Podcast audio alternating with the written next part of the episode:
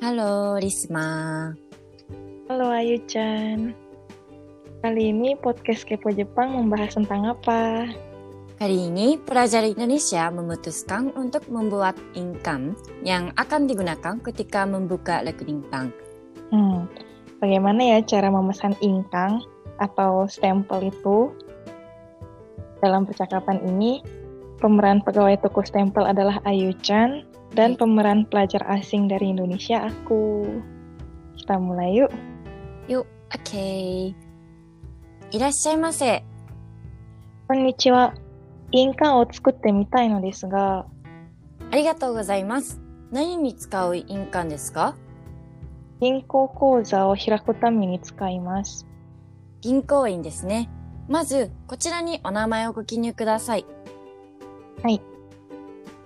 印鑑に彫るお名前は、カタカナにしますかアルファベットにしますかカタカナにします。カタカナ3文字ですね。次に、印鑑の素材をお選びください。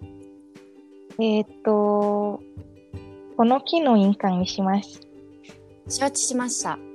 お値段は3500円です。いつ頃できますか今週の金曜日にはできますよ。この領収書を持ってきてくださいね。わかりました。ありがとうございました。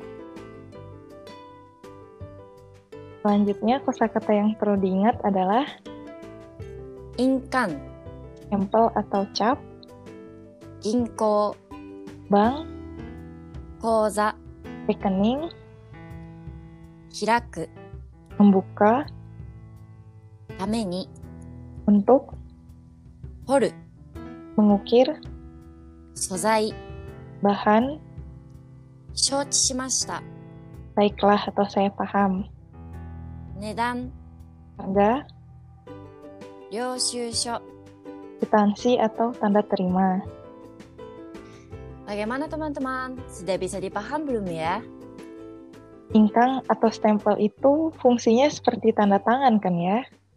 Iya, eh, orang Jepang menggunakan income dalam berbagai prosedur yang menggunakan dokumen seperti dalam urusan kantor pemerintah, bank, dan lain-lain.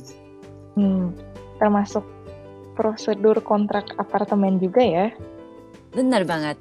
Bagi mahasiswa asing, tanda tangan seringkali dapat digunakan sebagai pengganti income, income, sehingga mungkin income tidak selalu diperlukan. Hmm, ya sih ya. Ya berarti Ingkang Ayuchan tulisannya kanji dong, Sakamoto itu ya. Iya, aku pakai nama keluarga. Oh. Dan kalau menulis tanda tangan pun orang Jepang cuma nulis nama lengkap aja kan ya. Iya. Oh ya, eh, saat memberi ingkan, kalian harus memilih bahan dan desain stempel, nama yang akan diukur di stempel, dan ukuran karakter atau huruf ya. Hmm. Ingkang stempel pas beli itu ini ya, nentuin desain, nama, ukuran. Hmm. Ya, Terus nih berbicara tentang ingkang stempel itu, sebenarnya ingkang itu penting banget kan untuk berbagai prosedur yang berkaitan dengan dokumen-dokumen, termasuk dokumen kerja, pekerjaan itu ya. mm, Tapi sepertinya baru-baru ini aku dengar kalau penggunaan ingkang sudah mulai dikurangi sejak pandemi ini. Benar nggak? Iya betul banget ya. Eh, menurut informasi dari berita, kalau buat kontrak atau persetujuan sesuatu, sudah mulai banyak yang pakai scan gitu sih, eh, supaya tidak perlu bertemu orang dan meminta stempel. Hmm, Untuk mengurangi kontak ya. Iya, meski penggunaannya sudah dikurangi, income masih tetap dipakai ya. Hmm, ya juga ya. Terus kalau orang asing bisa pakai katakana atau alfabet ya? Kayaknya katakana lebih menarik ya.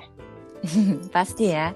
Buat teman-teman yang berencana kuliah atau kerja di Jepang, kalau tertarik dengan income, mungkin bisa coba buat income ya. Bisa jadi kunang-kunangan juga kan. Hmm, Ya. bener juga ya. Oke deh, podcast kali ini sampai di sini dulu aja ya. Oke, jangan lupa lihat informasi dari Kepojipan terus ya teman-teman. Arigatou gozaimasu. Arigatou gozaimasu. Bye-bye. Bye-bye.